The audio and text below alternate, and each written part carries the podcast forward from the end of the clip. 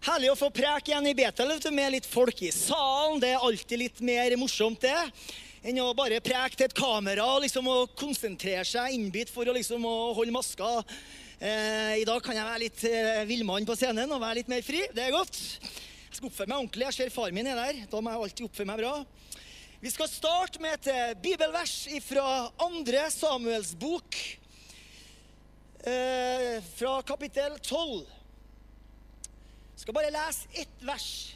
Men du som er litt sånn bibelsprengt, du kjenner storyen her. Vi kommer liksom midt inn i en ganske dramatisk historie her. Litt sånn før og etter for en ganske sånn sentral person i Bibelen, kong David. Eh, Så jeg vil anbefale når du kommer hjem, les gjerne hele 2. Samuel kapittel 11 og kapittel 12. For da får du hele settingen. Og så liksom For å liksom toppe det hele så kan du også lese Salme 51 og Salme 32. Da får du liksom hele prekena konsentrert i de bibelversene. Ok, 2. Samuel 12, fra vers 3, står det sånn. Men den fattige mannen hadde ingenting, unntatt et lite lam som han hadde kjøpt og alte opp. Det vokste opp sammen med ham og barna hans. Det spiste av hans egen mat, og det drakk fra hans egen kopp, og det lå i fanget hans. Det var som ei datter for han. I denne teksten fra 2. Samuel 12 så er det profeten Natan som eh, han får et ganske utfordrende oppdrag fra Gud. Oppdraget handler om å gå og konfrontere kong David angående den synden som han hadde begått. Han hadde drevet hor. Han hadde drept Batsebas mann. Og for å dekke det til, så hadde han liksom spunnet et svært edderkoppnett av løgner liksom, for at ingen skulle finne ut av det her. Og han var, så han var ikke helt den samme mannen som han pleide å være, kan du si. Han var ikke den samme David som vi kan lese om gjennom Bibelen, som kunne bruke timevis alene i, refleksjon, bønn og tilbedelse til Gud, hvor han satt og spilte på harpa, og han skrev sanger som lovpriste Gud. Noe var forandra på innsida. Han var stolt, han var arrogant. Og det står i samme bok, i kapittel 8 og vers 13, litt avhengig hvilken oversettelse du har, men i noen oversettelser så står det at David gjorde seg et navn for seg selv. Altså, han var blitt berømt. Og uttrykket det å gjøre seg et, et eget navn for seg sjøl var i det, i det, gamle Østen akkurat det samme som å få reist opp et monument av seg sjøl, liksom en statue av seg sjøl, et navn for seg sjøl. Han var så berømt at folk begynte å skrive sanger om ham. Vi leser i Bibelen at damer sang sanger om David. Og det kan jo være flott, det. Kjempebra. Men noe var forandra på innsida til David. Det hadde skjedd et skifte i han. Han var ikke lenger det som Bibelen kalte han for mannen etter Guds hjerte. Han levde i forførelse. Han levde på ei løgn. Han levde i hor, han levde i synd. Vi kan på en måte si at han, han lata som. Og så kommer Gud til Natan, profeten, og gir han et oppdrag. Og Det handler om at han skal gå til kongen, og han skal konfrontere denne mannen, kong David, som hadde blitt så vond og så blodig at han hadde drept en uskyldig mann. Uria. Uria, det betyr Herrens flamme, Herrens lys. Det lyset hadde slukka, og det var Davids skyld. Han hadde gjort det. Han hadde tatt livet, fått den drept, for å dekke over for sin egen synd. Så han, Nathan får et oppdrag. Og jeg tenker jo at det er jo mange oppdrag, mange budskap du kan levere i livet som egentlig er enkelt å ta på seg som du gjør med glede og entusiasme hvis du skal fortelle om, om, at du har fått en ny jobb. Det er jo herlig, ikke sant? Eller du skal fortelle at dattera di har blitt mor for første gang, og du har blitt bestemor. Det er jo et herlig budskap å bringe videre. Men sånn var det ikke med dette oppdraget. da. Det var liksom ikke fra Nathan Yes! Å, jeg skal konfrontere David. Å, jeg gleder meg sånn. Nei. Jeg ser ikke for meg at det var sånn. Jeg tenker liksom på Nathan på vei til palasset. Da, da tenker jeg at det er helt naturlig at når han nærmer seg palasset den dagen, så har han en del å tenke på. Litt bekymring, kanskje. Litt frykt. For han er jo tross alt konge, David. Og i den posisjonen han har som konge, så kan han jo også få drept Nathan hvis ikke han liker budskapet som kommer. Det var jo ikke noe sånn voldsomt seiersbudskap han skulle komme. Så jeg ser for meg Nathan når han nærmer seg palasset. Skrur ned farten litt. Sparker litt i småstein mens hjernen går på høygir. Liksom. Han prøver desperat å tenke ut hva skal jeg si for noe. Kan jeg liksom på en eller annen måte ved det jeg sier, finne igjen denne David som var mannen etter Guds hjerte? Som elska Gud av hele sitt hjerte, hele sitt sinn, av all sin kraft. Hvordan skal jeg klare å nå inn til ham? Fins det en liten gnist igjen i denne mannen? Fins det en liten flamme igjen av et gudsliv i David? Han som var så lidenskapelig for Gud. Men nå har han blitt berømt. Han har fått et navn for seg sjøl. Han er full av rikdom, han er konge, han er full av velstand, et svært palass. Han har fått liksom alt det denne verden kan tilby, men hjertet hans er kaldt. Så når Natan da nærmer seg palasset, så får han et budskap fra Gud. Og da vet han hva han skal gjøre. Og han vet hva han skal si. Eh, hvis det liksom er noe igjen av David, den lidenskapelige gudsmannen Hvis det er noe igjen av ham, så skal fortelle han en historie. Det var den historien jeg leste en del av her. ikke sant? Fra 2. Samuel 12. Jeg skal fortelle en historie om en hyrde og et lam. Og så går han inn i palasset den dagen, og det her er ca. ett år etter hendelsen med Batseba og Uri. Altså, det hadde gått ett år. David sitter på tronen, og ekspertene sier at han er 51 år når Nathan kakker på døra. Og David vet at Nathan er en profet fra Gud. Og da sier Nathan jeg, jeg vil fortelle en historie. Og, og, og David blir kanskje nysgjerrig. Ok, ok, liksom, Hvilken historie da? Jo, det er en historie om et lam. Og med en gang vet du, så er det en liten sånn gnist av kjærlighet og, og lidenskap som tennes i David. Lam, liksom. Det, det, det, det har han jo greie på. For med en gang han sier en historie med et lam, så dras på en måte David tilbake til ungdomsårene sine. Og en film går gjennom hodet når han var en gjeter. Han våka over sine fars sauer, sine fars lam. Vi leser i Bibelen at han slåss med bjørn, han slåss mot løve for å beskytte de her dyrebare lammene. Og mange ganger leser vi at han bar lammene i sine egne hender. Så med en gang Nathan begynner å prate om det her lammet, så vekkes nysgjerrigheten i David. Ja, liksom, Fortell meg historien, sier David. Jo, det var en rik mann, og det var en fattig mann. Og de levde begge, sammen, eh, begge toene i samme by. Den ene mannen hadde rikdom, han hadde makt, han hadde status. Han hadde en flokk med sauer. Han hadde innledet gjetere. Og Nathan forteller, og David liksom, han lener seg framover, lytter veldig godt etter. Han hadde et vakkert palass. Han hadde alt det du bare kan forestille. Og i samme by, på den andre sida av byen kanskje, så var det en fattig mann. Og det var dager når han og familien la seg sulten. De hadde ingen velstand. De hadde ikke et hus som de kunne skryte av. De bodde bare kanskje i et skur. Det var en fattig mann gift med ei kone og hadde kanskje barn, ei lita jente, en liten gutt. De var ukjent, de var uviktige. Altså helt det motsatte av den rike mannen. Så blir vi fortalt i teksten at den fattige mannen han hadde bare én eiendom. Et lam. Et lite lam var alt han eide. De levde i samme by, men på mange måter så levde de egentlig i to forskjellige verdener. Én familie i rikdom, berømmelse, svære saueflokker i tusentalls, svære hus, og én familie i fattigdom.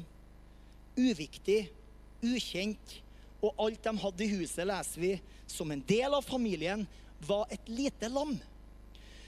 Og om det her er intensjonen til han som skriver det her, det vet jo ikke jeg, men jeg liker å bruke min eh, teologiske kreativitet og fantasi.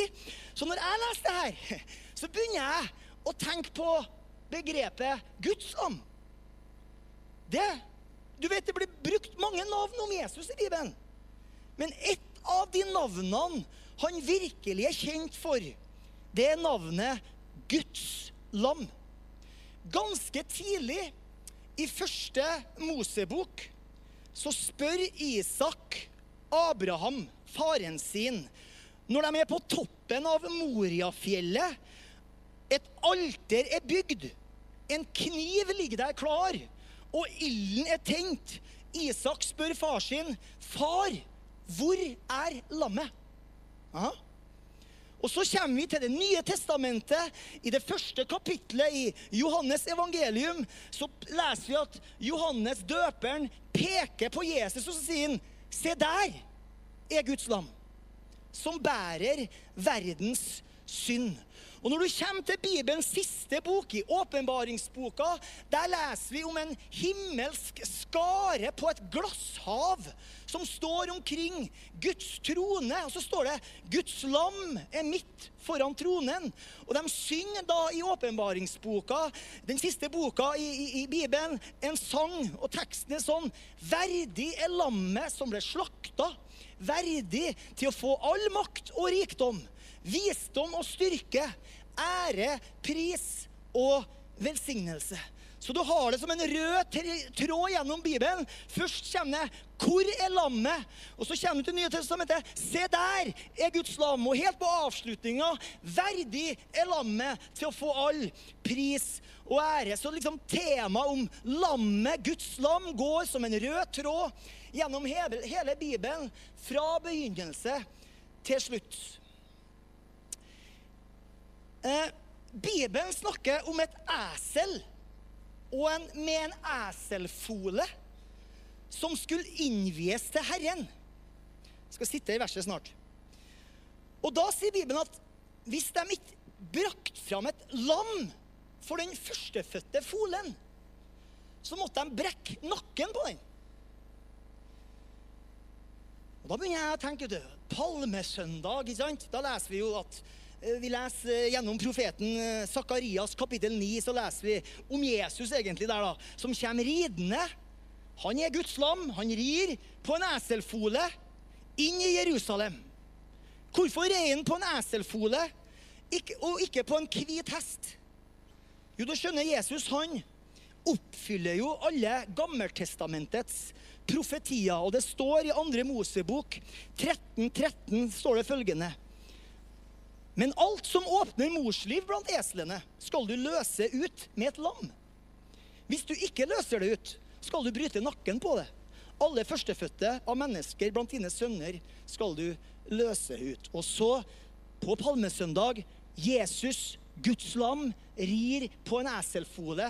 For meg så sier han egentlig noe. Han sier at 'jeg er Guds lam', og fordi jeg er Guds lam, så trenger ikke nakken din å brytes med dom, skyld og skam. Fordi jeg skal ta det, jeg skal bære det på korset, jeg skal ta dine synder, og du og jeg, vi er fri. Eh, Åpenbaringsboka er jo en bok som jeg alltid har vært eh, veldig interessert i. Og Vi kaller det jo for åpenbaringsboka. Det er den tittelen som står som overskrift der. Men den tittelen som Johannes sjøl gir boka, den leser du om i kapittel 1 og vers 1. For der kaller han den for Jesu Kristi åpenbaring. Jesu Kristi åpenbaring. Så det vi kaller for åpenbaringsboka, ja, det er jo i og for seg riktig, men det er ikke først og fremst en åpenbaring om, om antikrist, eh, dyrets merke og mystiske profetier som, som finnes der, ja. Men boka er først og fremst en åpenbaring av Jesus Kristus som Guds lam. 29 ganger så blir Jesus kalt for Guds lam i åpenbaringsboka. Vi leser om lammet som ble slakta, lammet som blir tilbedt, lammet som er verdig, lammet på tronen. Og vi leser om lammets trone. Han er lammet som bryter seglene og åpner boka, leser vi. Han er lammet midt foran tronen. Vi leser om lammets vrede. Vi leser at frelsen tilhører lammet. Vi leser om skara som står foran lammet. Og det står om dem som har vaska sine kjortler, gjort dem ren og hvit i lammets blod. Og de har seira over djevelen i kraft av lammets blod. Vi leser om lammets sang, lammets bryllup og bryllupsmåltid, lammets tolv apostler. Det står om lammet som vokter og leder til levende vannkilder. Livets bok hos lammet, lammet som er herrenes herre og kongenes konge. Og til slutt så leser vi om det nye Jerusalem, som kommer ned fra himmelen. Det står at Lammet er byens tempel, og lammet er byens lys. Så det er liksom Det er lammet gjennom hele åpenbaringsboka. Du skjønner, jeg og du vi kan klare oss uten veldig mye i denne verden. Ja, ja, ja. Fint å ha ting, men vi kan klare oss uten veldig mye. Vi kan klare oss eh, uten fuglene under himmelen, dyrene på jorda og fisken i havet. Men det er én ting vi ikke klarer oss uten i hjemmet vårt og i huset vårt. For å bruke litt sånn kananspråk og eh, den terminologien Vi trenger et lam i hjemmet vårt. Et lam. For vi klarer oss ikke uten det. Og Det er derfor det står i andre Mosebok, kapittel 12, når Israel skal gå ut av Egypt De har vært fanga der i over 400 år. Så, så, står det Tal til hele Israels menighet og si på den tiende dagen i denne måneden så skal hver mann ta seg ut et lam for sin fars hus. Ett lam for hver husstand. Ett lam for hver husstand. Så budskapet er du må ha lammet i hjemmet ditt.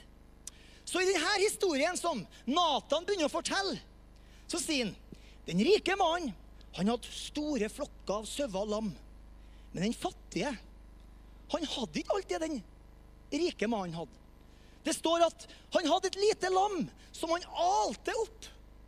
Og det å ale opp, det betyr liksom å gi mat til noe som vokser. Det er som en mor som gir næring til en nyfødt baby. Du aler dem opp. Eh, så lammet her, det bodde ikke i bakgården eller i en stall.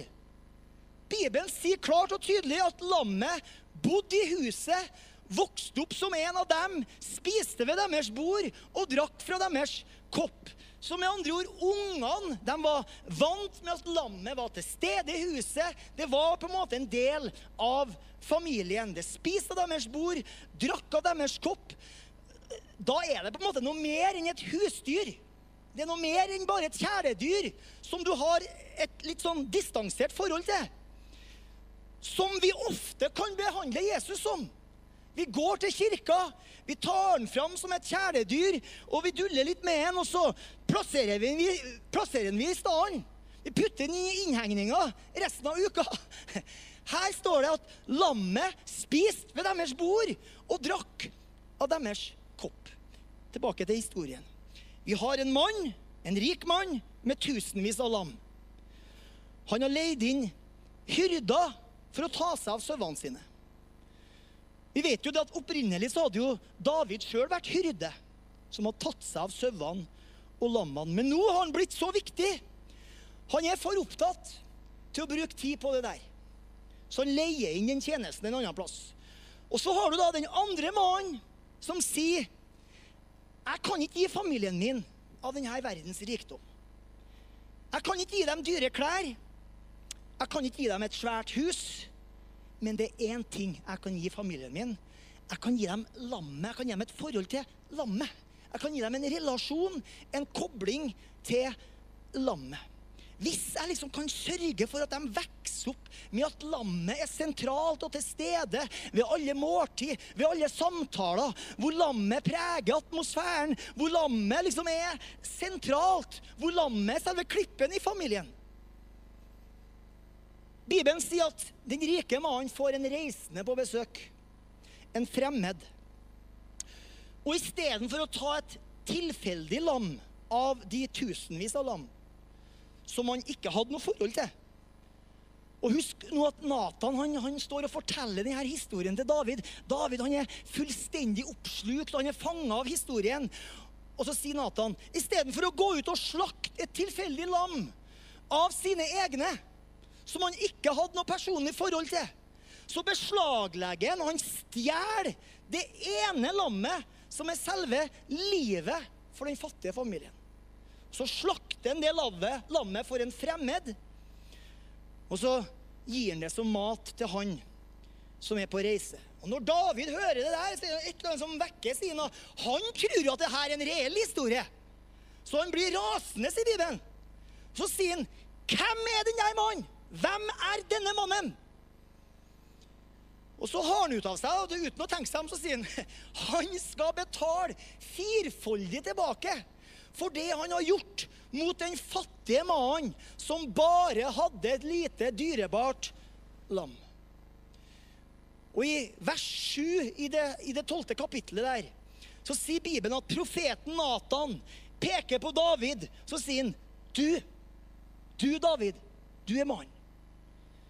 Og Gud tar David på ordet, og så sier han at Herrens dom det er at du skal betale tilbake firefoldig for det du har gjort. Noe som også skjedde hvis du leser Bibelen din. David mista fire sønner. Amnon ble drept av Absalom. Absalom ble drept av Joab. Adonia ble drept av Salomon. Og det barnet som Batseba var gravid med, som er uten navn, døde også. En firefoldig dom etter Davids eget ord, for det var han som hadde ut av seg. Og så faller David ned på sitt ansikt, sier Bibelen. Og han omvender seg. Og da skriver han Salme 51. Flott, vet du. Midt i Nå har han gått i ett år og plaga seg sjøl med dårlig samvittighet og en elendig følelse. Og han skriver Salme 51, hvor han skriver 'Rens meg fra min synd, og jeg blir ren'. Vask meg ren og jeg blir hvitere enn snø. Ta ikke Den hellige ånd ifra meg. Altså ei desperat bønn om tilgivelse. Og så skriver han også Salme 32 etter denne hendelsen. Og der sier han Salig er den mann som har fått sine lovbrudd tilgitt, og sin synd dekket over. Salig er den mann som Herren ikke tilregner misgjerning, og som er uten svik i sin ånd. Så sier han, og, da refererer han til det året hvor han hadde gått der uten å bekjenne sin synd. For han sier, så lenge jeg tidde, ble mine bein borttært idet jeg stønnet hele dagen. For dag og natt lå din hånd tungt på meg. Min livskraft svant som i sommerens tørke. Min synd bekjente jeg for deg og min misgjerning har jeg ikke dekket over. Jeg sa jeg vil bekjenne mine lovbrudd for Herren, og du tilga meg min synders Det er flott. Tenk når han kunne si det her. Jeg mener, jeg regner med ingen andre, ingen her, som har tatt livet av noen, liksom. Men det hadde han gjort. Og han klarer å si med overbevisning Salig er den mann som har fått sine lovbrudd tilgitt og sin synd dekket over. Så slutt å gå med dårlig samvittighet. Når David kunne si det, så kan også du si det. Salig er den mann som har fått sine lovbrudd tilgitt og sin synd dekket over. Så ved Guds nåde så kommer David tilbake til Gud. Og han skriver sine beste sanger etter sitt store fall. Salme 23, for eksempel, det er skrevet etter eh, at han hadde rota det til. Herlig. Det er nåde. Det er nåde. Jeg tenker at utfordringen som vi alle har, både personlig og som kirke, det at vi ofte har et sporadisk forhold til lammet, for å bruke litt kammanspråk. Vi trenger å se Jesus som Guds lam, som bærer verdens synd, min synd og din synd. Og vi trenger å sørge for at han er til stede i vårt hjem, at han spiser ved vårt bord. Det må være et lam for hvert eneste hjem. Det store spørsmålet det er, og det vil alltid være, har du Jesus? Har du Jesus?